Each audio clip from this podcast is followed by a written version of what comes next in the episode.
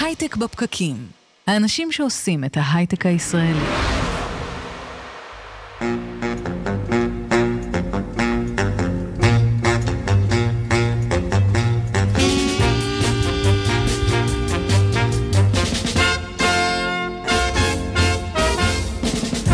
בוקר טוב, יום חמישי, 12 בספטמבר 2019, הייטק בפקקים.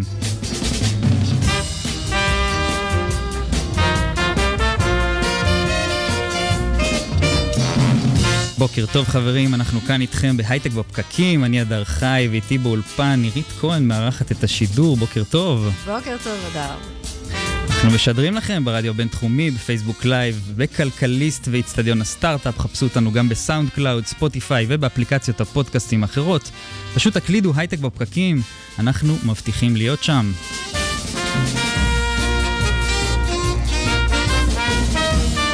ואתם מוזמנים לשלוח לנו שאלות, תגובות והערות בפייסבוק. אנחנו בשידור live רואים ועונים למה שתכתבו. אנחנו היום עושים ספיישל שכולו deep fake, הטכנולוגיה שמאפשרת לעבד סרטונים ולבצע עליהם מניפולציות שמשלבות תמונות או סרטוני מקור על וידאו באמצעות Machine Learning.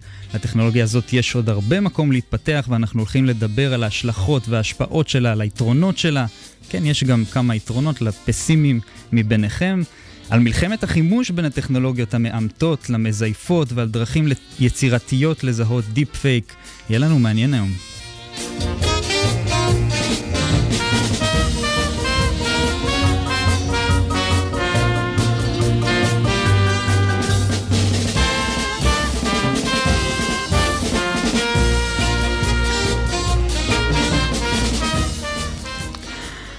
אז uh, אנחנו מתחילים עם deep fake, וקחו לכם רגע לצפות בסרטון שעוד מעט יופיע, ואני מתנצל למי ששומע אותנו ברדיו ובפודקאסטים, תשמעו אחרי זה במוד צפייה, אובמה deep fake. Uh, ואנחנו נמצאים כאן עם uh, סנדי פרנג'י, פרנג'י או פרנג'י? פרנג'י. פרנג'י. בוקר טוב, סנדי. בוקר טוב ובוקר טוב לכל המאזינים. סנדי, דבר קרוב למיקרופון. אתה מייסד ו-CMO של חברת סייברה, שמזהה את איום הפייק ניוז ומטפלת בו, שזה די רלוונטי לנו, אנחנו בשיא, בעיצומה של תקופת הבחירות. אז uh, ספר לנו קצת על סייברה. כן, פה בישראל זה מייצר לנו הרבה עבודה, זה כבר מערכת בחירות שנייה, שלא נדבר אם לא נגיע עוד למערכת בחירות שלישית גם. מקווה שלא. כן, מאוד מקווה שלא. אה, אז אנחנו סייברה, אנחנו אה, סטארט-אפ אה, שקיים שנה וחצי, גייסנו באזור שלוש וחצי מיליון דולר, ואנחנו מגנים על ממשלות וארגונים מתקפות של פייק ניוז, כל מה שקשור לדיס, דיסאינפורמציה, דיסאינפורמציה, מפרופילים פיקטיביים שמפיצים תוכן, דרך סרטונים, תמונות פיקטיביים, וכל העולם, כל העולם העשיר הזה. ובטכנולוגיה הזאת של ה deep fake, יש כבר שימושים אמיתיים במערכות בחירות? זאת אומרת, יש השפעה אמיתית? אני לא חושב שיש מישהו שיכול, מה שנקרא, לחתום בצורה אה, חד-חד ערכית. מבחינת כל מה שקשור לפרופילים פיקטיביים והפצה של דיסאינפורמציה, אנחנו כבר, כלומר, מ-2016, שזה הבחירות בארצות הברית, שהכל התפוצץ וכולם מכירים את זה, היום אנחנו הרבה הרבה מעבר כבר לגל. מבחינת דיפ פייק אנחנו רגע לפני שהדברים יתפוצצו. כלומר, הטכנולוגיה קיימת, הידע קיים, מי שיש לו אינטרסים מאוד מאוד משמעותיים להפיץ דברים יכול. אנחנו לא רואים איזושהי מגמה עולמית מאוד מאוד גדולה כרגע של סרטונים פיקטיביים. אבל אתה אומר שזה עניין של זמן ועוד רגע... ב- בדיוק, כלומר, להבנתנו אנחנו רגע לפני הגל, לפני שיקרה איזשהו משהו מאוד מאוד גדול, ואז שכל גופי הביון בעולם יבינו, יראו כמה זה פשוט, ואז גם הם יתחילו לעשות את זה. כלומר, מה שצריך זה הנגשה. וטכנולוגיה יותר טובה. אז אולי רגע נסביר מה זה בדיוק דיפ פייק.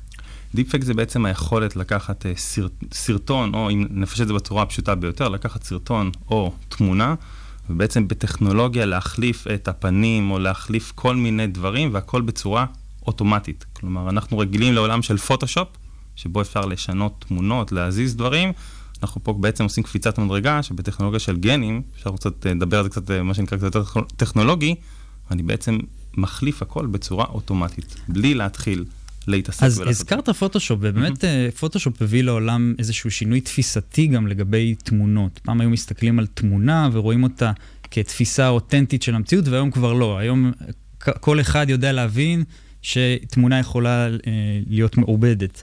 אז אתה חושב שזה מה שהולך לקרות גם בעולם הוידאו? זאת אומרת, כל וידאו שנסתכל עליו יהיה פתאום חוסר אמינות, או שבגלל שזה וידאו אז אנחנו עדיין, זה יותר מדי קרוב למציאות בשבילנו?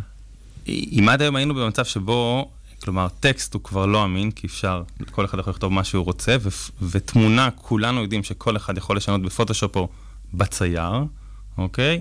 אז אנחנו כנראה נגיע למצב שבו לאנשים יהיה מודעות שגם סרטון, שעד היום הוא בעצם היה הדבר האחרון שאי אפשר עוד לזייף אותו, גם סרטון אפשר לזייף. אני משער שמה שיקרה זה שפשוט תהיה לנו יותר מודעות. כלומר, היום כל תמונה שאנחנו רואים, יש לנו לטבע האנושי את הידע לדעת שלא מחייב שהתמונה אמיתית. כולנו חיים באיזשהו עולם תמים, כל המערכת הבנקאית, הכל, הכל בעצם בנוי על תמימות. אבל כנראה שבקרוב נגיע למצב שגם סרטונים, יהיה לנו מה שנקרא חשד שייתכן, והסרטון הזה הוא לא אמיתי. אבל גם עם המודעות הזאת, בעידן האינסטנט עדיין פייק ניוז מאוד משפיעות, לכן אתם אה, מצליחים, קיימים. אה, ואני חושב שבעולם של וידאו זה עוד יותר חמור. זאת אומרת, אתה כבר ממש, זה, זה כמו המציאות, ויכול מאוד להיות שאנשים עדיין לא, לא, לא יהיה להם את הכוח או את הרצון, בגלל גם העצלנות הזאת, בכלל להטיל ספק במה שהם רואים, בטח כשזה מתאים את תפיסות העולם שלהם, ו speaking of בחירות, כל תוכן שאנחנו רואים, גם אם זו תמונה שהיא ערוכה בצורה הכי מגמתית שיש, אנשים פשוט מתעלמים מזה. אני בדיוק מגיע אחרי דיון מאוד מאוד ארוך אתמול על אה, היכולת למדוד השפעה. כלומר, אה, יש המון אה, גופים היום בעולם שמנסים להצליח למדוד השפעה. האם בעצם מצליחים להשפיע על אנשים בבחירות שלהם?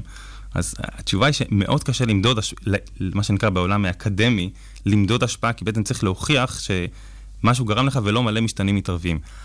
אז זה, זה מצד אחד. מצד שני, כולנו לחלוטין מאוד מאוד מושפעים ברגעים אלה ממש. כלומר, יש המון המון השפעה של דיסאינפורמציה בבחירות. שמקודמת על ידי פרופילים פיקטיביים, כלומר אנחנו רואים את זה היום, אנחנו, אנחנו סייבר עובדת עם כמעט כל גופי, כל נקרא לזה מערכות המודיעין הרלוונטיות אה, במדינת ישראל, אה, ויש המון המון דברים שהמערכת חשפה, המון ניסיונות של מדינות אחרות להשפיע, אה, יש הרבה הרבה דברים, מה שנקרא, שאי אפשר לדבר עליהם on the record. אנחנו משערים שמה שיקרה מהר מאוד זה שגם הסרטונים ייכנסו למקום הזה ויש יכולת להשפיע. יש יכולת להשפיע. זאת אומרת, אתם מרגישים שאתם רואים השפעה אמיתית על מערכות בחירות, על, על מה ש... בסוף על שלטונות, שזה סופר מסוכן, כי אז באמת כל ההתערבויות שמדברים עליהן של מדינות אחרות, זה דבר שיכול uh, לקרות. אני יכול לדבר על מערכת הבחירות הישראלית. אה, המערכת, אה, כל השיח הפוליטי במדינת ישראל אה, ממופה על ידי המערכת של סייברה, זה כבר מערכת בחירות שנייה שבעצם המערכת אוספת כל המידע ומיפתה את כל הניסיונות וכל מה שקורה שם. סידרו לכם הרבה פיילוטים. זה הרבה מעבר לפיילוטים. אני חושב שהם היחידים ששמחו שיש עוד מערכת בחירות. כן, מצד שני זה גרם למלא אנשים לבטל חופש, אז תבחר מה אתה מעדיף. אה, אז אה, זה, זה יקרה גם בסרטונים, כלומר, אה, וצריך, אני חושב שחשוב להסביר לציבור, כלומר, כולם בעצם מדמיינים שיהיה איזשהו סרטון שלא יודע מה, שביבי יגיד, לא יודע מה, לא רוצה להיכנס לעולם פוליטי, אבל שהוא, לא יודע מה, הולך לרוץ עם, לא יודע מה, עם יאיר לפיד, עם, כאילו, עם, עם, עם ליברמן או משהו כזה. אבל אני חושב שאנשים צריכים להבין שזה לא סרטון אחד. היכולת שלי להשפיע עליך היא שלאורך ארבעה חודשים אתה תראה מאות סרטונים פיקטיביים. וזה, כלומר, רובם גם לא יהיו במודעות שלך, ואת רובם אתה סתם תראה כבדרך אגב, ובכלל לא... תלך לבדוק האם הם אמיתיים או לא. השאלה היא אם זה לא תהליך שהוא אה, יעבור. זאת אומרת, היום כשאתה מסתכל mm-hmm. על התמונה, אתה כבר יודע שיכול להיות שעשו לה משהו. נכון. אז אה, וידאו, רוב האנשים עדיין לא באמת מודעים לעובדה שיש זה שמישהו נכון, אומר משהו, במהלך, זה לא בהכרח אומר שזה היום קרה. ראית אלפי תמונות. כמה תמונות מתוכם, אלפי, מאות אלפי, לא יודע אפילו לבדוק את זה, כמה תמונות הלכת באמת לבדוק האם הן אמיתיות או לא. וזה היכולת להשפיע. כן. כלומר, אם עכשיו אני בא ואגיד לך, תשמעי, הנה תמונה והיא נורא חשודה, אותה את רצה לבדוק. אבל את אלף הדברים שראית במהלך ארבע, ארבעת החודשים האחרונים, לא רצת לבדוק. ואם אני משחרר המון המון המון דברים פיקטיביים, כל הזמן, שמתגלגלים ומתגלגלים. וחברים. שלך אלה שמשתפים אותם הרבה פעמים, אתה מרגיש שכולם מסביבך עושים. וגם הם עשו לזה כבר לייק, אז זה כבר מקבל יותר אמינות, כלומר אפשר לדבר אם אתם רוצים על מתודולוגיות, איך להפיץ פייק ניוז. אבל הדברים לאורך זמן משפיעים. וזה כלומר, כשאמרתי בהתחלה שמחקרים לא יודעים למדוד השפעה, הם, הם לא יודעים לחתום מה השפיע. זה שיש השפעה לאורך כן. זמן, זה ודאי. כן, האמת היא שאם מסתכלים uh, קצת יותר אחורה, נכון? היה לנו פרסומת סמויה בסרט, נכון? אתה רואה סרט, מישהו שותה בקבוק קוקה קולה, אה, בבקשה, פרסומת סמויה. זה לא, זה, זה התקדמות של התהליך הזה. אנחנו מתקדמים, ומתקדמים בצעדי כן. ענק. כלומר, הטכנולוגיה עוזרת היום לקדם את זה כמה שיותר. אני רואה מה, מהביקוש שיש ל Cyabra, כלומר, אנחנו אה, טסים לכל מקום בעולם, כולם מאוד מאוד מחפשים פתרון לדיסאינפורמציה, אם זה פרופילים פיקטיביים ואם זה סרטונים. ה case הפשוט ביותר היום עם כל הכוח הוא, אנחנו פשוט מראים לך ב-60 שניות מייצרים פרופיל פיקטיבי ומפיצים עליו תוכן, וב-60 שניות עושים את אותו דבר הפוך עם וידאו. אז מה הם דפוסי הפעולה באמת? אתה אומר שאתם מכירים הרבה דפוסי פעולה. איזה דפוסי פעולה יש? מה, מה, איך מפעילים רשת של פייק ניוז כדי שנדע לפחות להימנע מזה, או יודעים, אני מקווה שאף אחד לא ישתמש בזה. אני חושב, כלומר, אפשר לדבר המון על, על מתודולוגיות, כלומר, בסוף זה רשתות שמשתמשות בהמון המון כלים. זה יותר ו... מבוטים, זה יש גם אנשים אמיתיים שמעורבים בעניין. כן. אתה, אתה, אתה, אתה יורה לכל הכיוונים, כלומר, אתה בדרך כלל תשתמש, כלומר, אם נדבר על הבחירות האחרונות דברים, אז היו אתרים פיקטיביים שהפיצו תוכן. את האתרים האלה קידמו פרופילים פיקטיביים, שעמדו מאחורי אה, אה, רשתות, שכולם מחוברים, שכ... כלומר, הכל פה זה רשת מאוד מאוד גדולה של דברים. ואתה, התפקיד שלך בתור תוקף הוא, לתקוע, הוא מה שנקרא לפזר, לפזר כמה שיותר דברים באתרים, בתוכן פיקטיבי, לעשות, כלומר, תדמיינו שאתה יכול לקחת כל מה שאנשים אמיתיים אומרים, ולקדם אותו, או לתקוף אותו מאוד, והכל עם רשתות ענק. הרבה מעבר למה שאתם מדמיינים. זו שאלה מאוד מעניינת, איפה עובר הגבול בין לגיטימי ללא לגיטימי בתוך התהליך הזה? אני חושב שדווקא בהקשר הזה יש, יש קו גבול מאוד, מאוד לגיטימי. כן. לגיטימי הוא כל מה שאתה מוכן לחשוף שזה אתה.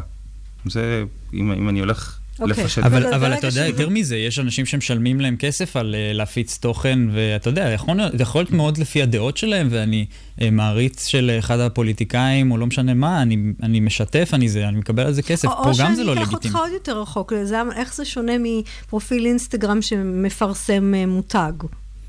כאילו, נכון. איפה זה, גם שם הוא... משלמים לי להפיץ תוכן. כל עוד הוא לא מסתתר מאחורי עצמו. אבל עוד פעם, זה הרבה מעבר לפרופיל אחד. כלומר, בוא נדבר על צבא של 300 אלף פרופילים okay. אוקיי. פיקטיביים, אלה המספרים, תלוי בקייס, כן? אוקיי, יש גם מקומות שאפשר לעשות דברים עם שלוש פרופילים, ויש מקומות שעושים אלף. אבל קייס אמיתי, אוקיי? 300 אלף פרופילים פיקטיביים שמקדמים תוכן. הם משפיעים על השיח. הם לא ככה כבדרך אגב עוד משהו, הם משפיעים על השיח. השיח במדינת ישראל, פוליטי, הוא באזור מאות אלפים. וואו. זה כמות האנשים שמגיבים, לא מדבר על לייקים. אה. כן. אתם מזהים דפוס פעולה כזה, מה אתם עושים? אתם, יש לכם, אה, אתם לא יכולים לפרוץ לפרופיל שלהם ולמחוק, נכון, או מה שפייסבוק עושה, אתם מדווחים להם? התפקיד שלנו הוא לייצר לך את האלרט כמה שיותר מוקדם. כלומר, אתה כגוף מודיעיני, צריך להבין כמה שיותר מהר שאתה בעצם מתמודד עם איזושהי מתקפה, ולזהות לך איך מתנהלת המתקפה, מה קורה, מי הלידרים, מי הם האנשים האמיתיים שמקושרים, כמה שיותר מידע ברגע. מפה יש עכשיו המון מתודולוגיות איך להתמודד עם זה. מה כלומר, למשל? אה, כלומר, אפשר לדבר רגע, מדינת ישראל שהיא מזהה את זה, אה, כל מיני רשתות שזיהו דרך המערכת של סייבה, היא רצה לסגור אותם במיידי, אוקיי? לפנות בעצם, או כאילו לעשות דאונלוד מתוך המערכת לכל הרשת, לזהות, לא, עם הוכחות, מה פיקטיבי, איך פיקטיבי, איך הוא פועל, מה המתודולוגיה, ולהעביר את זה כמה שיותר לפלטפורמה, ושהפלטפורמה תסגור אותם. אבל יש עוד כלומר, זה... ויש אגב שיתוף פעולה? זאת אומרת, אפשר ללכת לפייסבוק ולהגיד, הנה, הוכחתי שזה רשת פיקטיבית. כן, יש שיתוף פעולה מאוד הדוק בין הפלטפורמות פייסבוק, טוויטר, אה, לבין אה, מדינת ישראל. יש להם אינטרס מאוד אה, גדול למנוע את זה נכון. בעצם. את, שאלה לסיום, אתם בוגרים של תוכנית אקסלרייטור בשיתוף עם השב"כ, אז יש, מעניין אותי לדעת איך התוכנית הזאת עוזרת לסטארט-אפים כמוך, איך השב"כ ואתם מייצרים שיתוף פעולה. מצוין, שאלה מצוינת. אה, האקסלרטור של השב"כ הוא תוכנית שאנחנו לקחנו בחלק, היינו, אנחנו היינו המחזור הראשון, עכשיו זה המחזור השלישי. שהוא נפתח דרך אגב כן, עכשיו, כן, שהוא נפתח עכשיו, אני ממליץ בחום. אה, התוכנית מאוד מאוד עוזרת, כי בעצם יש פה שיתוף ידע בין הסטארט-אפים לבין גופי ביון לבין השב"כ, על המון ידע שאפשר אה, לשתף. הם מחפשים סטארט-אפים בכל הדברים שהם מה שנקרא מעניינים, כלומר כל מי שיש לו ידע טכנולוגי מעניין, חדשנות מעניינת. ובין היתר גם נותנים 50 אלף דולר אה, מתנה ללא equity. וואלה. אז אני ממליץ בחום. אז והעידה של השב"כ, אז uh, בכלל ערך גבוה. סנדי פרנג'י, CMO ומייסד חברת Cyabra, שיהיה לכם... מייסד שותף, מייסד שותפים שנמצאים ביחד. כל הכבוד על הקרדיט הזה.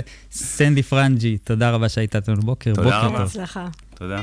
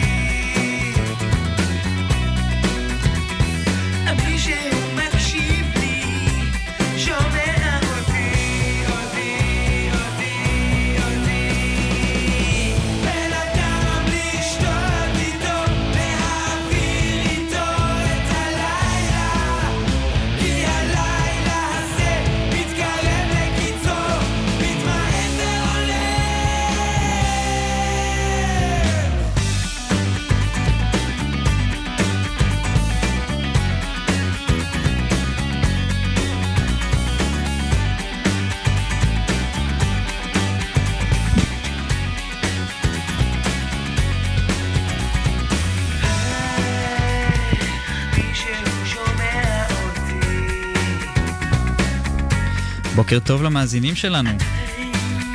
מני גנוסר, עדי עופרת, קרין רביב.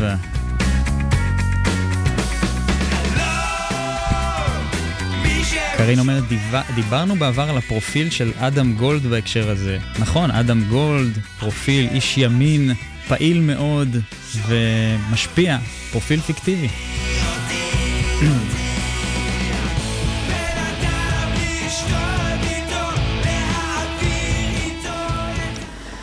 אתם אמורים עכשיו אה, לראות אה, סרטון, אני מקווה שהוא מופיע לכם אה, בצד של המסך, או תכף או עוד כמה זמן, ברגע ששקד דמבו שלנו יעלה אותו. והסרטון הזה הגניב אותי במיוחד, ושוב אני מתנצל למי ששומע אותנו רק בסאונד, תחפשו אחרי זה תום קרוז דיפ פייק. יש שחקן בשם ביל האדר שמתראיין ב Saturday Night Live בשנת 2008, ותוך כדי הוא עושה חיקויים של תום קרוז שהוא מספר את הסיפור. ובא מישהו ובעצם איבד את זה בצורה כזאת, שכל פעם שהוא עושה חיקוי של תום קרוז, הפנים שלו משתנות לפנים של תום קרוז. עכשיו, השינוי הוא נורא עדין, זה לא משהו שאתם תשימו לב אליו במכה, אבל תסתכלו כל פעם שהוא אה, משנה את הפנים שלו, זה בלי סאונד, אבל תראו שכל פעם הוא משנה את הפנים שלו לפנים של תום קרוז, וזה בלתי יאומן, זה ממש נראה כאילו אה, הוא יושב אה, ומדבר שם, ממש אי אפשר כבר אה, אה, להבחין, ונמצא איתנו כאן. דוקטור ארז פרחן, בוקר טוב. דוקטור, לא נראה עוד כמו דוקטור עדיין, אבל אה, זה יפה, זה עוד יותר מרשים. בוקר טוב. יש הרבה דוקטורים. חוקר ראייה ממוחשבת בחברת Beyond Minds. אז אה, דיברנו בריאיון הקודם על deep אה, fakes. איפה אתה חושב שהתחום הזה נמצא מבחינת בשלות טכנולוגית? אוקיי, אז התחום של ייצור תוכן, אני חושב שהוא עדיין בשיפוע די רציני. זאת אומרת שהיום אנחנו רואים טכנולוגיות שעדיין קשה להן לראות דומה לוידאו אמיתי, אפילו מה שהראינו עכשיו, אפשר למצוא שם כמה שונויות. אבל אני חושב שמה שבאמת מעניין זה שתוך, לדעתי, לא, בטח לא יותר משנים, זה יגיע לרמה שבטח בני אדם לא יוכלו לשים לב, שזה מה שמאוד מעניין. כלומר, עדיין לא, אבל אתה אומר שעוד כמה זמן כבר אה, כן, לגמרי פשוט כן. האנשים הכי חכמים בעולם, או, או חלק מהאנשים הכי חכמים בעולם, עוסקים בזה בדיוק. זה נורא אטרקטיבי גם, נורא ויזואלי. אז אין, אין שום ספק שזה יצבור עוד, אה, עוד יכולות, זה אז לא... אז יגיע לשם שעין אנושית לא, אולי לא תוכל להבחין, ואתה חושב שמבחינת אה, גם, גם טכנולוגיה לא תוכל להבחין, או שבאמצעים ממוחשבים? שאלה קשה וטובה, ובשביל זה אנחנו כאן. אה, אז קודם כל, יש אפשרות כזאת. יכול להיות שיום אחד, עוד כמה שנים, ייצור הוידאו, נניח, אם מדברים על וידאו, שזה משימה יותר קשה מייצור של תמונה אחת, יגיע לרמה ש... הוא מגיע, מה שנקרא, מאותה אוכלוסייה בדיוק של וידאוים אמיתיים, זאת אומרת שאי אפשר יהיה, גם באמצעים טכנולוגיים, להבדיל. אה, פשוט לא, לא יהיה הבדל. אה, וזה איום שקיים, ותלוי, האמת היא שאני, למרות שאני מתעסק דווקא בתחום של הזיהוי של זה, מקווה שזה יגיע לשם, כי זה, זה בעצם סמן לזה שהטכנולוגיה האנושית התקדמה עוד צעד אחד גדול. אבל זה דבר טוב בעיניך? זהו, רציתי לשאול, לפני שאנחנו מדברים על כל הסכנות. זאת אומרת, יש אה, סיבות אה, מעניינות ואפילו אטרקטיביות לדבר הזה. כן, הטכנולוגיה הבסיסית הזו ש... של ייצור תוכן, האמת שיש אה, פריצות דרך שנעשו בשנים האחרונות, וזו הסיבה שאנחנו רואים מה שאנחנו רואים עכשיו. אבל באופן כללי המוטיבציה הזו היא מוטיבציה ישנה, והיא מסיבות טובות. היא לא, אגב, היא לא, הסיבות שלה הן לא לשנות את מה שטראמפ אומר. זה לא שם. אלא הסיבה שרוצים לייצר תוכן זה כי מאמינים שמערכות AI אחרות, הרי מערכות AI יוצרות את התוכן, שמערכות AI אחרות שהן לא יוצרות תוכן אלא צריכות להחליט החלטות בעולם, יוכלו להשתמש בתוכן הזה בצורה אה, אה, יעילה כדי להתאמן למשימות שהן צריכות לעבוד עליהן, בלי שבני אדם יצטרכו אה, לסמן למס, למערכות האלה את, ה, את הדאטה. אפשר לתת דוגמה? אם... בטח. נניח בעולם הרכב האוטונומי, mm-hmm.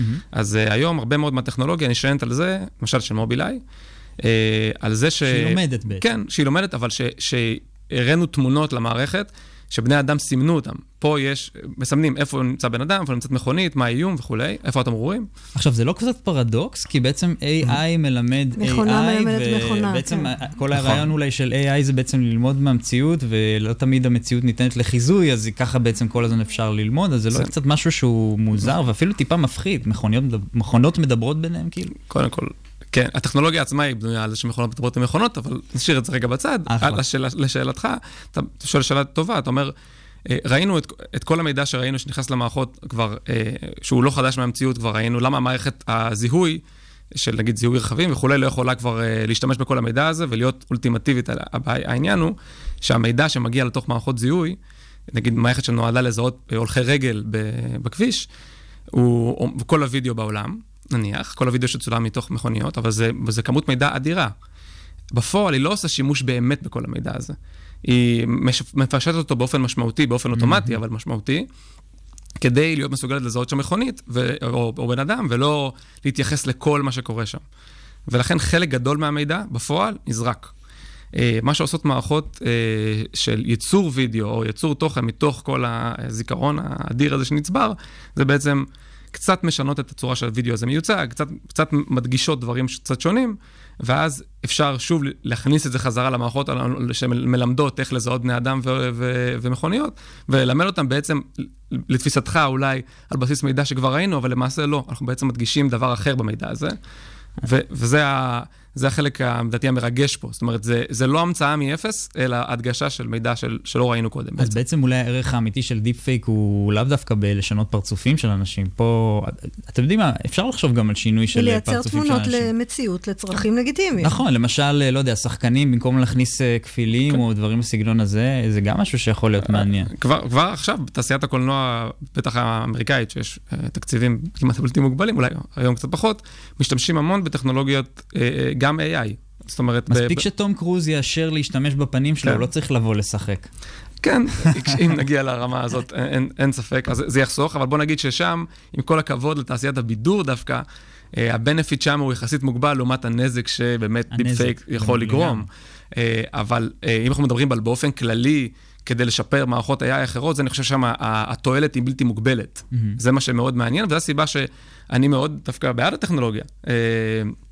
וכן מקווה שנגיע ליום שבו אי אפשר יהיה להבחין בין אמיתי ללא אמיתי. אז דיברנו על הסכנות, אז מעניין אותי לדעת איך, איך נראית המלחמה הזאת בין הטכנולוגיות לזיוף לטכנולוגיות לאותנטיקציה. זה כמו, זה קצת מזכיר לי סייבר, שיש את התוקפים כן. ויש את המגנים. איך זה, זה נראה? מה... זה, זה מה מאוד, מאוד דומה, אפילו... אה, אה, בוא נגיד שהגורם האנושי כמעט לא, לא קיים שם, אני אסביר, כאילו למה, זה עוד יותר מלחמה של רובוט ברובוט. וואו. כי הטכנולוגיה עצמה, הטכנולוגיה שמייצרת את, ה, את, ה, את התוכן המזויף, היא טכנולוגיה שנשענת על, יש מה שמייצר, ויש מולה את מה שאמור להבחין, האם, משהו אוטומטי, שוב, AI, שאמור להבחין האם זה תוכן מזויף או אה, אמיתי. והטכנולוגיה שמייצרת אמורה, היא, היא אמורה להתאמן כדי לעבוד על, ה, על החלק ש, ש, שמזהה. זאת אומרת שבהגדרה היא בנויה ככה כדי אה, להתל ב-AI, הגורם ה-AI השני, באופן אוטומטי. זאת אומרת, לא צריך מהנדס באמצע. וואלה. אה, ולכן, אם יהיה חשוף לה האלגוריתם שמזהה האם זה פייק או לא, היא תוכל ללמוד איך אותו. זה כן. כמו אורגניזם חי כזה, כמו איזה וירוס שלומד כל הזמן. בדיוק. זה אפרופו אנטי-וירוס, נכון? היו צריכים כל הזמן להוריד תוכנות כן. חדשות כדי שלעדכן כן, את מה ש... כן, רק שבמקרה הזה, הגורם האנושי היה צריך להתערב נכון. ולחשוב. פה אין גורם אנושי. זאת אומרת שאם אה, מי שמנסה לייצר סרטונים, ומחר נחשפת עוד שיטה לזיהוי האם זה פייק או לא, הוא פשוט צריך להוסיף את זה לתוך הפול של הדברים שהוא עובד כנגדם. בלתי נגמר. ואז לא לאפטם כנגדם, נכון. פשוט. אז כל מה שתיחשף שיטה, היא כבר לא תהיה רלוונטית. מעניין, אז איזה פתרונות כן יכולים להיות? כן, איך, כן. איך העולם יכול להיראות, וכן שנדע להגיד, זה סרטון אמיתי, אני רואה את כן. uh, טראמפ מדבר. זה הנשיא דיבר לאומה, או שזה מישהו... או שזה סתם מישהו אה, שזייף את זה, אף אחד אוקיי. לא ידע, זה יכול לייצר כאוס. אוקיי, אז בואו בוא נפריד את זה בעצם שני חלקים. יש את החלק ש... שיהיה אחרי היום שבו וידאוים אמיתיים ווידאוים אה, מזויפים יהיו לש... דומים ללא הכר. זאת אומרת mm-hmm. שגם מחשב לא יוכל לזהות, ואז אין על מה לדבר, אפשר לדבר על טכנולוגיות לאולי אה, סטנדרטיזציה של יצירת וידאוים. או ו... סרטיפיקציה, כן, או כן, כן, איזשהו סטמפה. חותמת מים, כן. אז נשים את זה רגע בצד, כי זה באמת, זה, זה נושא שונה, ו, וברור שאנחנו עוד לא שם, זאת אומרת, זה, אנחנו עוד לא חייבים להיות שם, אבל אנחנו כנראה נהיה. Mm-hmm. אבל עד אז יש לפחות כמה שנים, ש, שעד שזה, אני מקווה שדרך אגב שזה יקרה, שיגיע למצב שאי אפשר יהיה לשים לב. אבל... הוא אה, מקווה שזה יתקדם מהר. כן, אני חושבת על זה, אבל שהמערכות הן מצב שהן יתקדמו בקצב הנכון. זאת אומרת שבאמצע יש כמה שנים טובות שבהן אנחנו נהיה בכאוס מוחלט. וואלה, זה מעניין. ומה שהעיניים רואות זה לא בהכרח המציאות. אנחנו, אנחנו, זה חלק ממה שאנחנו אה, עובדים עליו, זאת אומרת, את מתכוונת ש, שיהיה מצב ש... אי אפשר להבחין, כן, אבל כן. רגולציה כן. עוד לא אה, יצרה חותמת מים. שדווקא הרגולצ... הרגולציה עובדת ברקע, כן. ומעניין, כאילו, אני לא יודע, אני דווקא לזה... מעניין, כי את, היו דברים שהיא פספסה, אתה יודע, כל כן. הרשתות כן. החברתיות והפייק ניוז הם דברים שהרגולטור התעורר די מאוחר. במקרה הזה הרגולטור יכול להיות פייסבוק. אז, אז mm-hmm. פייסבוק ערנית. פייסבוק מתעורר. שאלה מעניינת למי יש אינטרס פה עכשיו. נכון. אז, אז רגע, אבל נחזור חזרה לעניין של מה כן אפשר לעשות, שהוא לא פשוט סטנדרטיזציה של וידאו, אלא לנסות לזהות. אז בוא נניח שאלגוריתם הזיהוי לא חשוף ל... הוא לא, לא חושפים את אלגוריתם הזיהוי לטובת אלגוריתם היצירה, זאת אומרת שאלגוריתם היצירה לא יודע איך הולכים לזהות אותו, אז יהיה לו מאוד מאוד קשה, וכל עוד יהיה הבדל, שוב, האוכלוסייה שלו וידאוים אמיתיים ווידאוים אה, אה, פייק לא תהיה זהה לחלוטין, לחלוטין, אז אפשר יהיה לבנות אלגוריתם שיבדיל mm-hmm. ביניהם, ועל זה בדיוק אנחנו עובדים אה, ב-Beyond Minds, אנחנו לא מניחים אה, שיטת אה, יצירה מסוימת, זאת אומרת, אנחנו לא מתכוננים לאיזה אלגוריתם מסוים שייצר וידאו ואותו אנחנו תוקפים, אלא שאנחנו מנסים למצוא הבדל, הבדל כללי בין וידאוים שהם פייק לבין mm-hmm. וידאוים שהם אמיתיים, ואז כל עוד אנחנו מוצאים הבדל באוכלוסיות האלה, אה, אז אפשר לעלות על זה. אז אפשר לעלות על זה, כי, כי ההבדל הזה נמצא שם ואנחנו נמצא אותו. אפילו כן. אם הוא הקטן ביותר. עכשיו, מעניין אותי גם השלכות מהבחינה המשפטית, כי עד היום כן. וידאו הייתה הוכחה מאוד פורנזית. אה, לפשע או לזה, אתה רואה משהו ממצלמה נסתרת. אתה מזהה פנים, דבר שנורא קשה היה לזייף, והיום אולי פחות. מה שפעם היה עולה, אתה יודע, יש, סרט, יש סרטים ויש עריכת סרטים, זה היה עולה הרבה כסף, היום AI יכול לעשות את זה נורא בקלות, כל פושע יכול לעשות. אז איך זה, מה ההשלכות של זה? כן, אז, אז ההשלכה הכאוטית ביותר שאפשר לחשוב עליה באמת זה שמישהו יציג סרטון, נניח בבית משפט, אה, שמישהו אמר משהו וכולי, ויש שתי אפשרויות שיכולות לקרות. אחת זה שזה באמת אה, סרטון לא אמיתי והוא יפליל, והשנייה שזה סרטון אמיתי ומי שמנסים להפליל אותו יגיד, מה זאת אומרת, זה בכלל לא אמיתי. זאת אומרת, יש פה... אה, תמיד אפשר להיאחז בזה שיש פייקים בעולם, ולכן, והאלגוריתם הזיהוי שהביאו לבית המשפט הוא לא מספיק טוב, ולכן הוא לא מבין שזה בעצם פייק.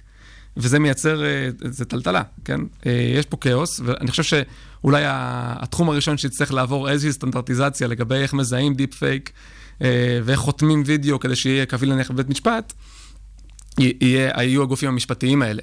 כי ברגע שמישהו יחשוב שווידאו הוא לא ראייה קבילה בבית משפט, אנחנו או, או וידאו אודיו, אגב, גם אודיו, כאילו זה, זה אותו דבר. נכון, נכון. אנחנו ממש בבעיה, זאת אומרת, וידאו כבר, אה, כבר לא ממש הוכחה להרבה דברים. אני מאמין שמהר כן. מאוד, אה, כן. כבר לא, אני מדבר עוד, כן. אתם יודעים, במונחים של כמה שנים בודדות. גם היום אתה יכול להוציא, אנחנו רואים את זה בחדשות כל הזמן, נכון? להוציא מקונטקסט, זאת אומרת, רואים את, ה, את האירוע, לא רואים את הדקה לפני האירוע, וזה משנה את התמונה. אה, כן, נכון, גם דברים מאוד פשוטים, יש איזה סרטון מפורסם שלוקחים מישהי ש... ומאטים את הדיבור שלה. כדי שמשהי נכון. שיכורה, פשוט. כן, ופוליטיקה. דברים שהיא אמרה. ננסי פלוסי, כן, נכון, בארצות הברית. נכון. כן, או גמגום. ואז טראמפ השתמש בזה, אני זוכר איזה משהו כזה. מדהים, אה, וזה ממש נורא פשוט, שום AI, אה, זה פשוט סתם. פשוט עריכה מאוד פשוטה. כן. שאלה לסיום, ארז, מה אתה מאחל בעתיד לעולם הזה של הדיפ פייק? אז אמרתי, בפתיחה, אני מאחל... שנגיע למצב שנדבר על זה שאי אפשר להבחין. תאמין, הוא בקטע של איזה כיף. איזה כיף, לא, אין ספק. שיגוע. לא, אני לא חושב, אני חושב שברור שברמה הציבורית זה יכול לעשות בעיות, אבל אנחנו נתגבר עליהם בדרכים אחרות. זאת אומרת, אני לא, לא ארצה לראות שמישהו מגביל את הטכנולוגיה האנושית כן. בשביל דבר כזה. בניגוד לדברים אחרים, המסוכנות של זה, אפשר לטפל בה. נגיד, זה לא גרעין, כן? כן. אז, אז אני חושב שזה, שזו הכיוון. אחלה. תודה על האיחול, דוקטור ארז פרחן, בוקר טוב, ש... תודה, תודה שהיית איתנו. תודה רבה.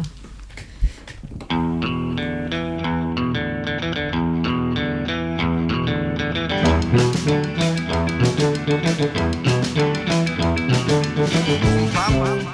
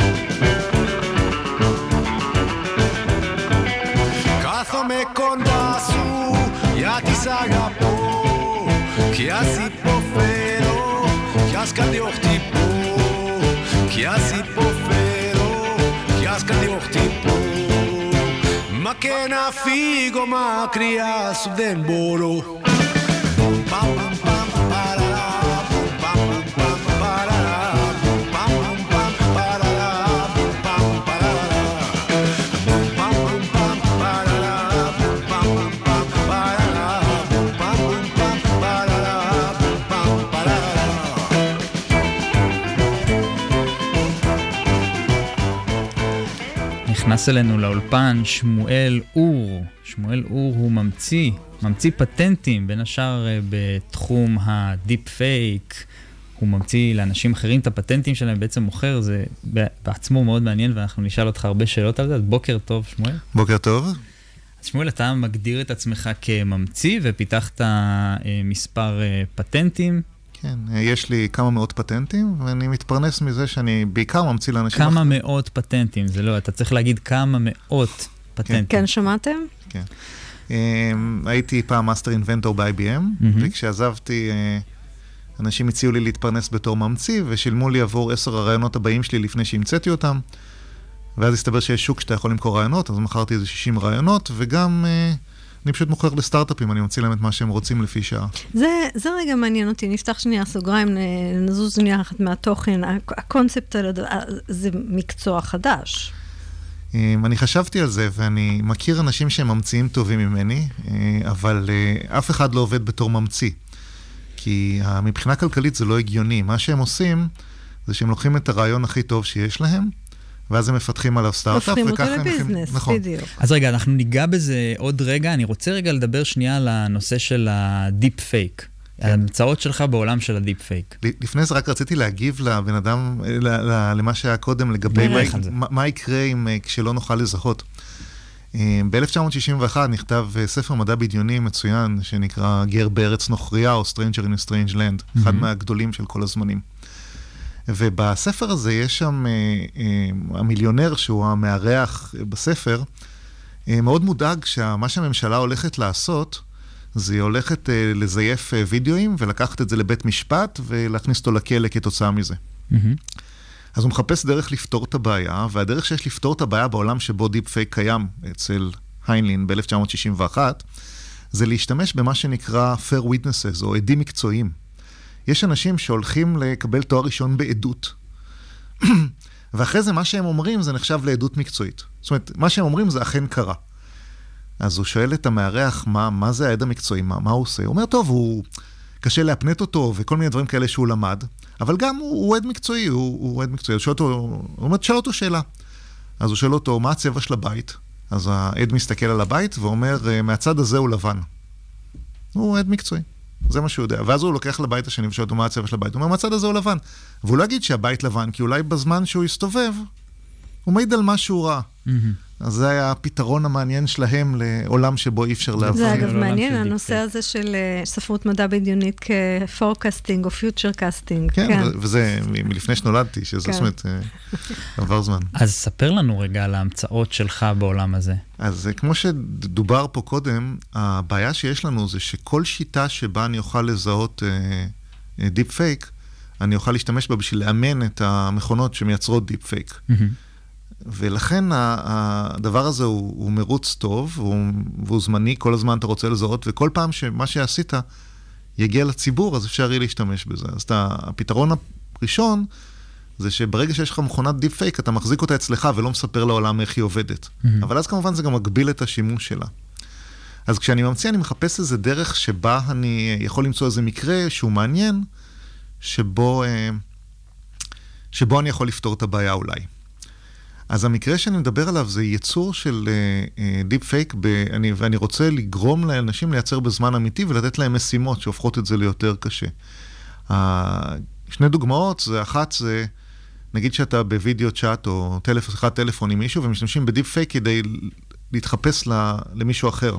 וזה ממש קרה בפועל, זאת אומרת, היה כן, שיחות... כן, חברה, גרמני, חברה גרמנית הפסידה רבע מיליון יורו. כי התקשרו בשם המנהל ואמרו, דחוף, דחוף, עכשיו צריך להעביר... תעבירו וואו. כסף. כן. תעבירו כסף, וזה אכן קרה כבר לפני שנה, ואין שום בעיה רצינית לעשות את זה היום. הדבר השני שהוא מאוד uh, פופולרי זה המקרה של פייסבוק uh, Live נגיד. אתה אומר, אני משדר את זה עכשיו. Mm-hmm.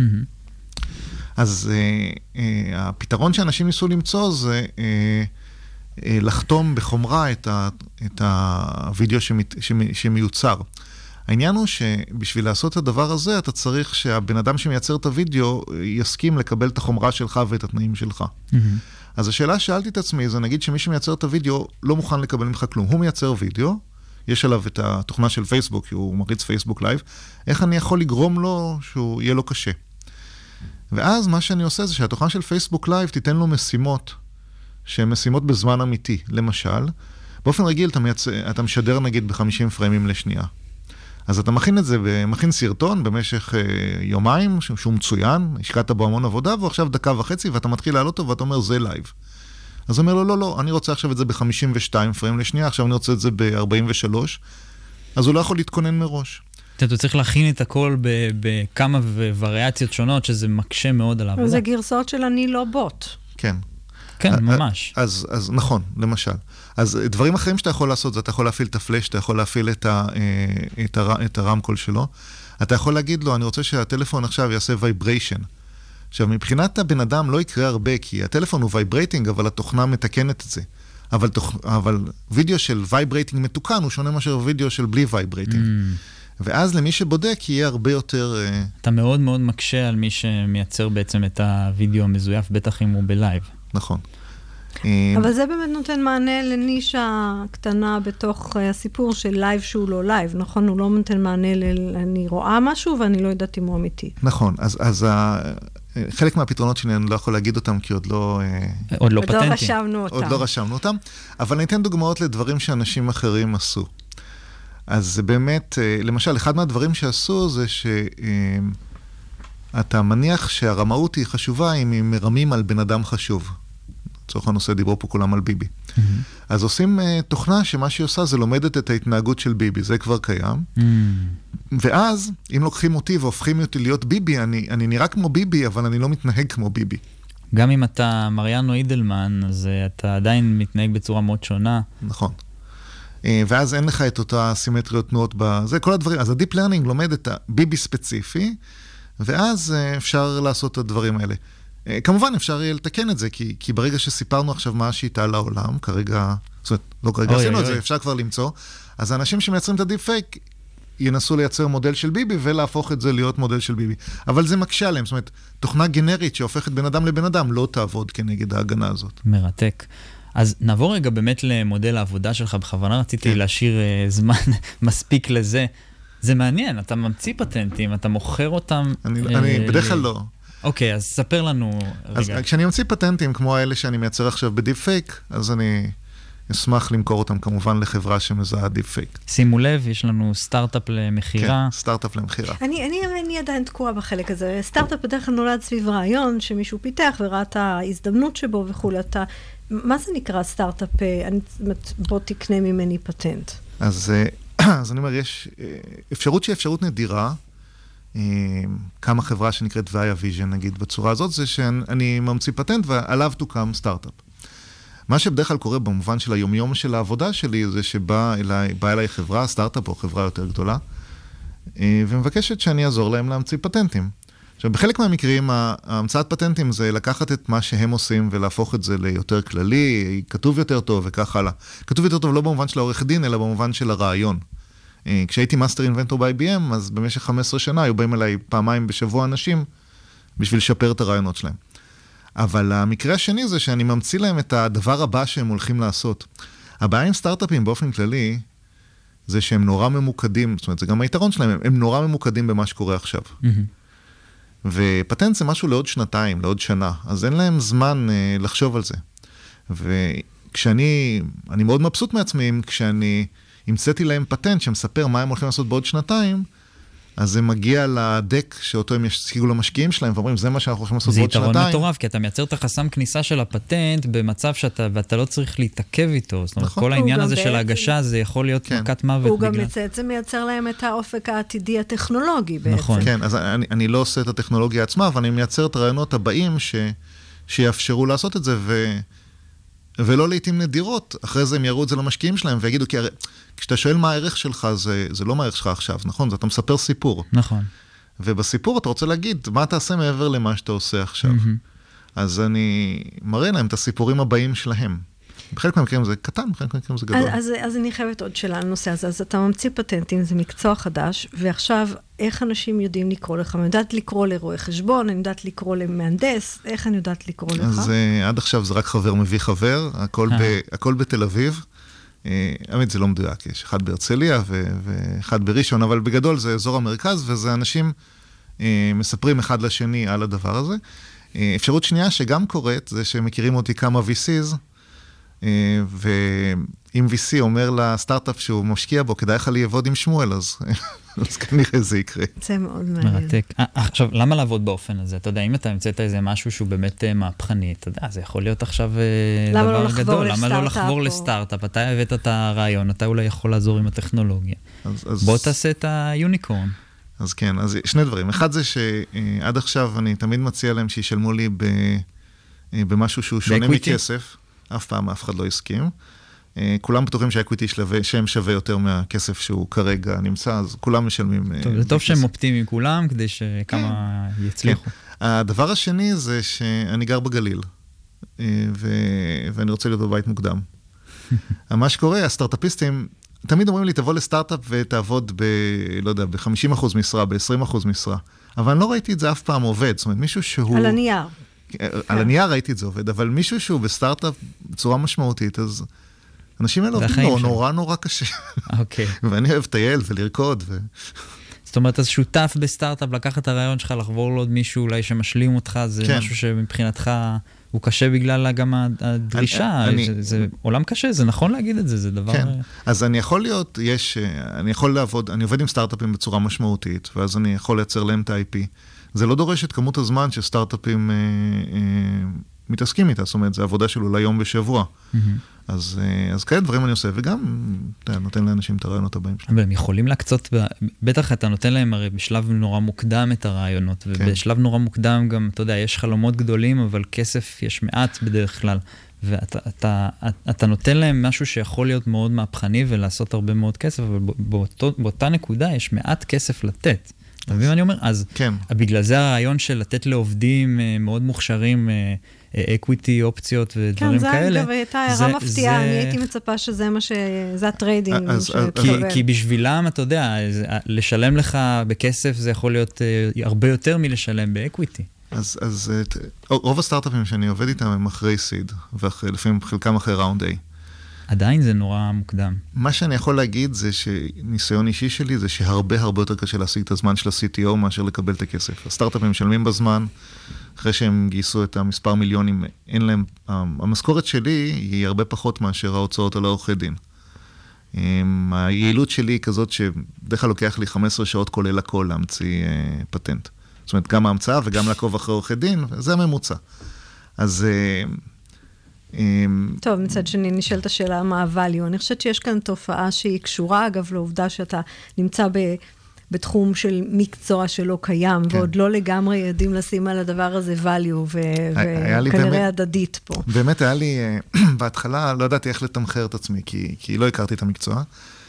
ולעומת זאת, היו אנשים ששילמו לי לרעיונות. התשלום לרעיון הוא בדרך כלל 15 אלף דולר או משהו כזה, פלוס אחוזים עתידים. אז אמרתי, טוב, אני אבוא לסטארט-אפ ואני אקח 15 אה, אלף דולר לרעיון, 10,000 דולר לרעיון, לא יודע, משהו. אבל אז זה יצר לי אה, קונפליקט אה, אתי, כי אני מגיע לסטארט-אפ וגם לדברים שהם לא סטארט-אפ, ויש לי הרבה יותר פטנטים מאשר יש לסטארט-אפ, או לכל האנשים ששם, וגם יש לי יותר ניסיון, אז אני צריך גם להמציא וגם להגיד אם כדאי להוציא פטנט על הדבר או לא. Mm-hmm. אז זה קל להמציא אם, כל, אם, אם, אם ממציאים פטנט על כל דבר, אתה רוצה שיהיה לזה ערך. נכון. אז זה יוצר קונפליקט, כי, כי אם אני גם מחליט וגם ממציא, זה, אז החלטתי, אני אלך לפי שעה, ולרזומה שלי באמת פטנטים, זה לא משנה. אגב, זה נורא מעניין ה conflict of interest. מה עם אה, סטארט-אפים שונים באותה טריטוריה? הרי יש לך סל של פטנטים בתחום של דיפ כן. פייק, עכשיו יש אולי כן. כמה סטארט-אפים שמנהלים איתך שיח. אני עובד אה, בכל נושא, זה נושאים צרים, סטארט-אפים זה לא, נגיד המעביד הקודם שלי זה IBM, אז שם זה קצת יותר רחב. אבל בכל נושא אני אעבוד עם סטארט-אפ בודד. ואז אה, אה, שעות המחשבה שלי, זאת אומרת, אם אני, אני קורא הרבה טכנולוגיה, אז אם פתאום ראיתי רעיון שטוב להם, אני פשוט רושם לי עליהם שעה ו... ושלהם. זאת אומרת, אני לא, רוש... אני לא עובד עם כאלה שהם מתחרים אחד עם השני, כי אני רוצה שכל רעיון שיש לי... שלא יהיה ניגוד עניינים. כן, ולא כן. משנה מתי הוא, אני אוכל להגיד, הרעיון שיש לי עכשיו הוא שלכם. זאת אומרת, אתם משלמים על השעות שלי, אבל הרעיון הוא שלכם. שאני מדמיינת את ה-NDA, יאללה. שמואל אור, ממציא פטנטים, מקצוע מדהים בעולם החדש. תודה שהיית איתנו, בוקר טוב. תודה רבה.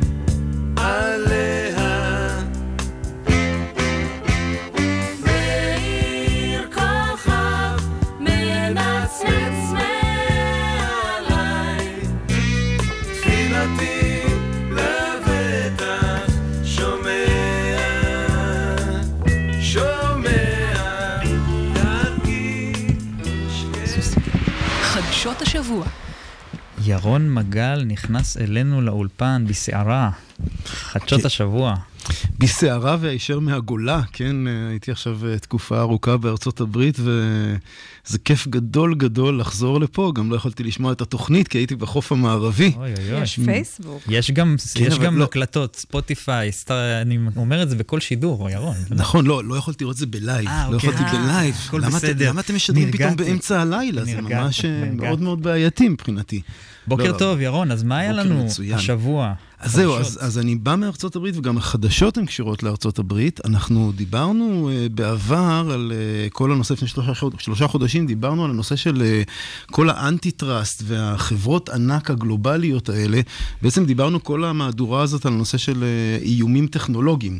האיומים הטכנולוגיים האלה הופכים להיות אמיתיים כשהם מחוברים לחברות גדולות, שמסוגלות לעשות עם זה משהו, משהו רע. בעצם דיברנו על זה שהרגולציה כאילו בידיים של החברות, נכון. במקום להיות בידיים של המדינה. המדינה. בדיוק, בדיוק. החברות האלה יש להן כוח כל כך גדול שהן מצליחות לנצח את הרגולציה, לנצח את דעת הקהל שהיא מתנגדת לזה. ארז אמר, פייסבוק היא הרגולטור. נכון. הוא כבר אמר הוא את אמר זה ממש את זה במילים האלה. כן. נכון, נכון, וזה בדיוק מה שקורה, זה בדיוק הדברים. באמת הנושא הזה של אה, להגביל את הכוח של הגדולות האל, הללו, אה, עולה כל כמה שנים בארצות הברית. זה עלה פעם אחרונה ב-2013, וזה ירד. עכשיו, זה גם מאבק פוליטי, דמוקרטים, רפובליקנים ודברים כאלה, אבל יש פה גם איזושהי מהות. והמהות של הסיפור הזה, שאנחנו רוצים, האם כלכלה חופשית היא, היא, היא מגדילה את הכלכלה, היא תורמת לכלכלה? עד גבול מסוים זה נכון. מגבול מסוים, זה חברות ענק מצליחות להפוך את זה למונופול, ובאמת לנצח גם את הרגולציה. יש להם יתרון תחרותי בלתי רגיל. אני חושבת אפילו, אפילו הייתי, הייתי אומרת שזה להשתמש בטרמינולוגיות שהן כבר לא תקפות, כי להגיד שמה ש... שהעולם של פייסבוק זה כלכלה חופשית, כשאתה בתוך העולם הזה, זה לא. נכון, נכון. כי, כי, כי, כי כבר... מה, מה חופשי בזה שהם שולטים בחדשות, שולטים בסנטימנט אה, וכולי וכולי? זה לא באמת חופשי, שולטים בפרסומות. כי זה כבר לא פייסבוק בתוך העולם, זה העולם בתוך פייסבוק, כן, כן? כן. זה כבר הפך להיות איזה. אז באמת, אה, לפני כמה חודשים תהינו האם הפעם החקירה הזאת אה, באמת תתקדם ותוביל, וכשפורסמה החקירה הזאת גם עלה עוד נושא. שדיברו על הפערים החברתיים העצומים בתוך חברת אה, גוגל בזמנו, אם אתם זוכרים, יש שם 200 אלף עובדים שהם שמים בפרונט את ה-100 אלף שמקבלים את המשכורות הנוצצות ואת הכל, ויש 100 אלף אחרים שנמצאים מאחורי הקלעים והם עובדי קבלן, עובדים זמניים, עושים עבודות uh, שירות, נזרקים uh, ברגע שקצת מתקרבים לנקודה שזה מתחיל להיות קביעות וכל הצרות האלה, ואת ה-100 אלף האלה מחביאים. אז כל זה נכנס לתוך אותו מכלול, ומה שאנחנו רואים לשמחתנו השבוע, ראינו שבאמת נפתחה חקירה מאוד מאוד מקיפה, אה, גם נגד אמזון וגם נגד גוגל. נתחיל עם אמזון. אמזון בעצם אה, התחילו לשלוח חוקרים, אה, גם כלכלנים וגם עורכי דין, כדי להתחיל לתחקר סוחרים, גם כדי להבין איך המנגנון של אמזון עובד, וגם כדי לראות...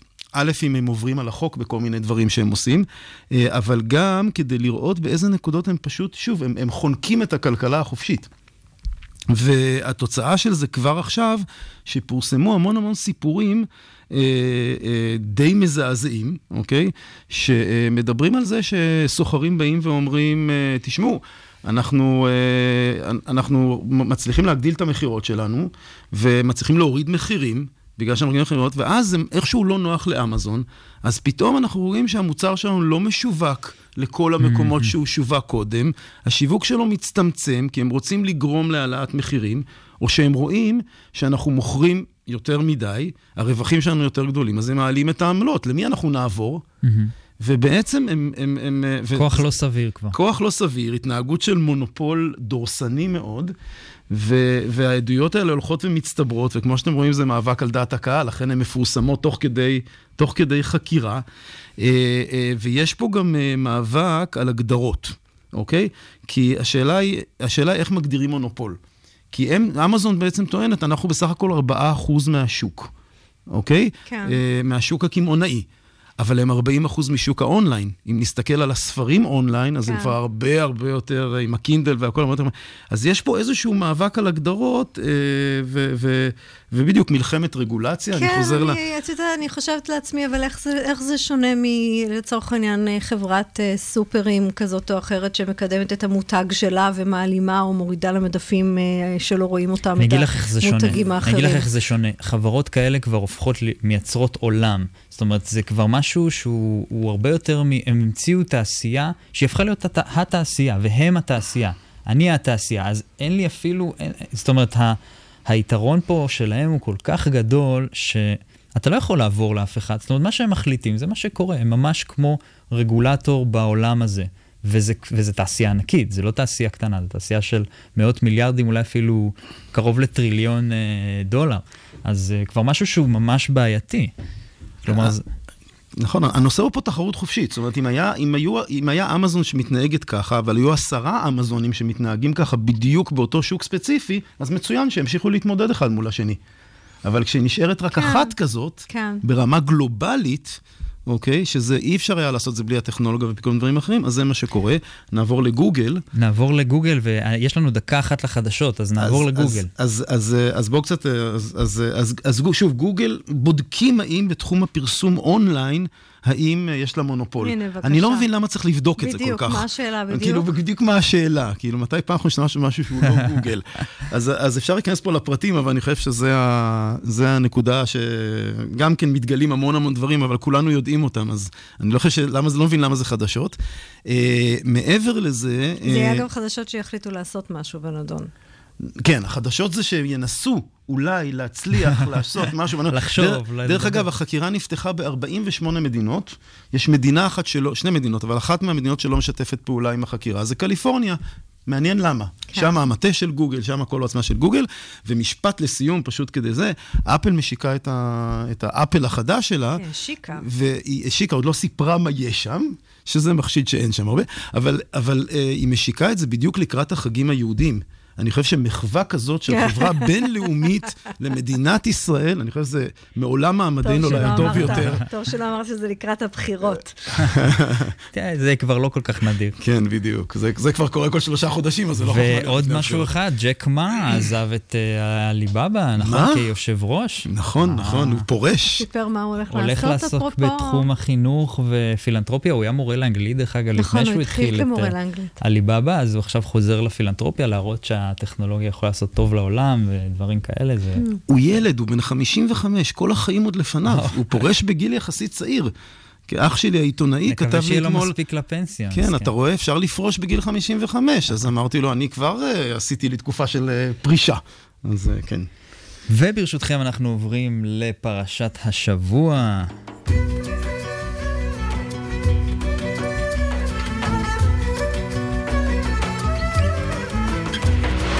פרשת השבוע. ירון מגל, מה היה לנו בפרשת השבוע? כי תצא.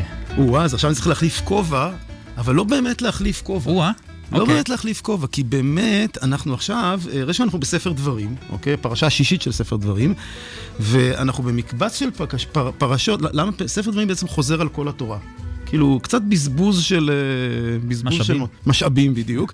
והסיבה שזה קורה, בגלל שאם לא שמנו לב, הפכנו דף בין, אה, במדבר לדברים, אבל הפכנו 40 שנה. בעצם זה כבר דור חדש, הדור שלא ראה את כל המופתים ביציאת מצרים, וזה פעם ראשונה שיש אתגר של לחנך את הדור הבא. האתגר שאנחנו מתמודדים איתו בכל דור. אז, אז זה בעצם המעבר פה, והשלוש פרשות שאנחנו נמצאים בתוכם, זה, כמו ששלמה ארצי אומר, דמיינו לכם עולם. בואו תדמיינו איך נראים החיים בארץ ישראל. איך זה נראה להיות מדינת ישראל. לשם אתם הולכים. ו- ו- וזה בעצם מה שקורה בפרשות האלה. אז בפרשה הקודמת דיברנו על, הלכות, על, על כל הנושא של הלכות ציבור, של דת ומדינה, ואיך מקימים uh, מדינה במדינת ישראל מבחינת uh, רשויות שלטון. ודרך אגב, זה, זה המקרה הראשון בהיסטוריה של, של uh, מה שנקרא הפ- הפרדת רשויות. Mm-hmm. זה לפני יוון העתיקה, לפני, לפני העולם המודרני, אמריקה המודרנית וישראל המודרנית. ובאמת, גם ביהדות יש הפרדת רשויות. אוקיי? יש, יש את הרשות המבצעת, mm-hmm. שזה נקרא מלך, או בצורה מקומית שופט, ויש את הרשות, ה, ה, את הרשות המחוקקת, או את החוקה, שזה הנביא והכהן, ויש מאמץ כל ההיסטוריה היהודית להפריד בין שני האלמנטים האלה. אסור שהאלמנטים האלה יהיו ביחד, כי זה חזק מדי. Mm-hmm. אוקיי? זה חזק מדי, וככה צריך להגביל את הכוח של המלך. יש סיפור יפה. אה, שאולי מתאים גם לעזיבה של אה, ג'ק מה, אם נחבר את זה להגבלת הכוח. אה, אומרים שג'ק מה בחור מאוד מאוד שמח ועליז כזה ומשתולל בפגישות של החברה, אז, אז באמת מספרים על איזה מלך שהחליט עוד בחייו להעביר את הסמכויות שלו לבנו, רב נחמן ברסלב מספר את הסיפור הזה, ובשמחה גדולה אמר איזה יופי, אני מוריד על עצמי את כל העול ואת הכל, ג'ק מה המלך אותו דבר, ו, ו, ואז מה שקורה זה ש... שמגיעים ל... אה, אליו הצטננים ואומרים לו, תשמע, גם הבן שלך הולך לאבד את המלוכה בחייו. הוא אומר, זה נהדר, איזה יופי. Hmm. אומרים, מה, מה יופי בזה? הוא אומר, תשמעו, אם הוא ישמח עם זה, אז זה מצוין. אבל אם הוא יהיה עצוב מזה, סימן שהוא לא היה ראוי להיות מלך מלכתחילה, כי הוא לא מבין את מגבלות הכוח. יפה. אז אני חושב שהנושא של מגבלות הכוח, כל ההיסטוריה היהודית מלאה בזה. אנחנו רואים את, אה, רואים את משה ברגע שהוא מקבל את הכל, מעביר, מעביר את הכהונה לאהרון. וזה מתקשר יפה למה שדיברנו עכשיו, על גוגל, מגבלות הכוח, בדיוק, פייסבוק. בדיוק, בדיוק, הכל הכוח, מתחבר. הכל מתחבר, יופי, המוסר ירון. האנושי הוא אותו מוסר אנושי, ואם לא נשמור על המצפן, כאז כן אתה. תודה ירון על פרשת השבוע, היה מעולה. נפלא. אנחנו מתקרבים לסיום תוכנית הדיפ פייק. יש לכם משהו להגיד לסיום? אני, רוצה להיזכר בעובדה שבסופו של דבר הטכנולוגיה גם עושה לנו המון דברים טובים ומעניינים. נכון, ויש זה. האזור הזה, כשהולכים לראות חלק מהסרטונים, זה מדהים ומרתק. ויפה, כן. אז נשאר אז, אה, אופטימיים. חבר'ה, אלה שלא ראו את הסרטונים, אז תלכו לראות, הם באמת מגניבים. תודה לכם שהאזנתם לנו בפקקים, במשרד או בבית. צאו בזהירות אם עוד לא הגעתם למשרד, ואם הצטרפתם רק בסוף, אל תדאגו, תוכלו לשמוע את השידור בכל אפליקציות הפודקאסטים, ירון כבר יודע את זה. חפשו בפקקים, או הייטק בפקקים, וזה כבר כנראה יעלה לכם. אנחנו הייטק בפקקים, להתראות בשידור הבא. ביי. ביי. תודה לכם, תודה. כיף גדול.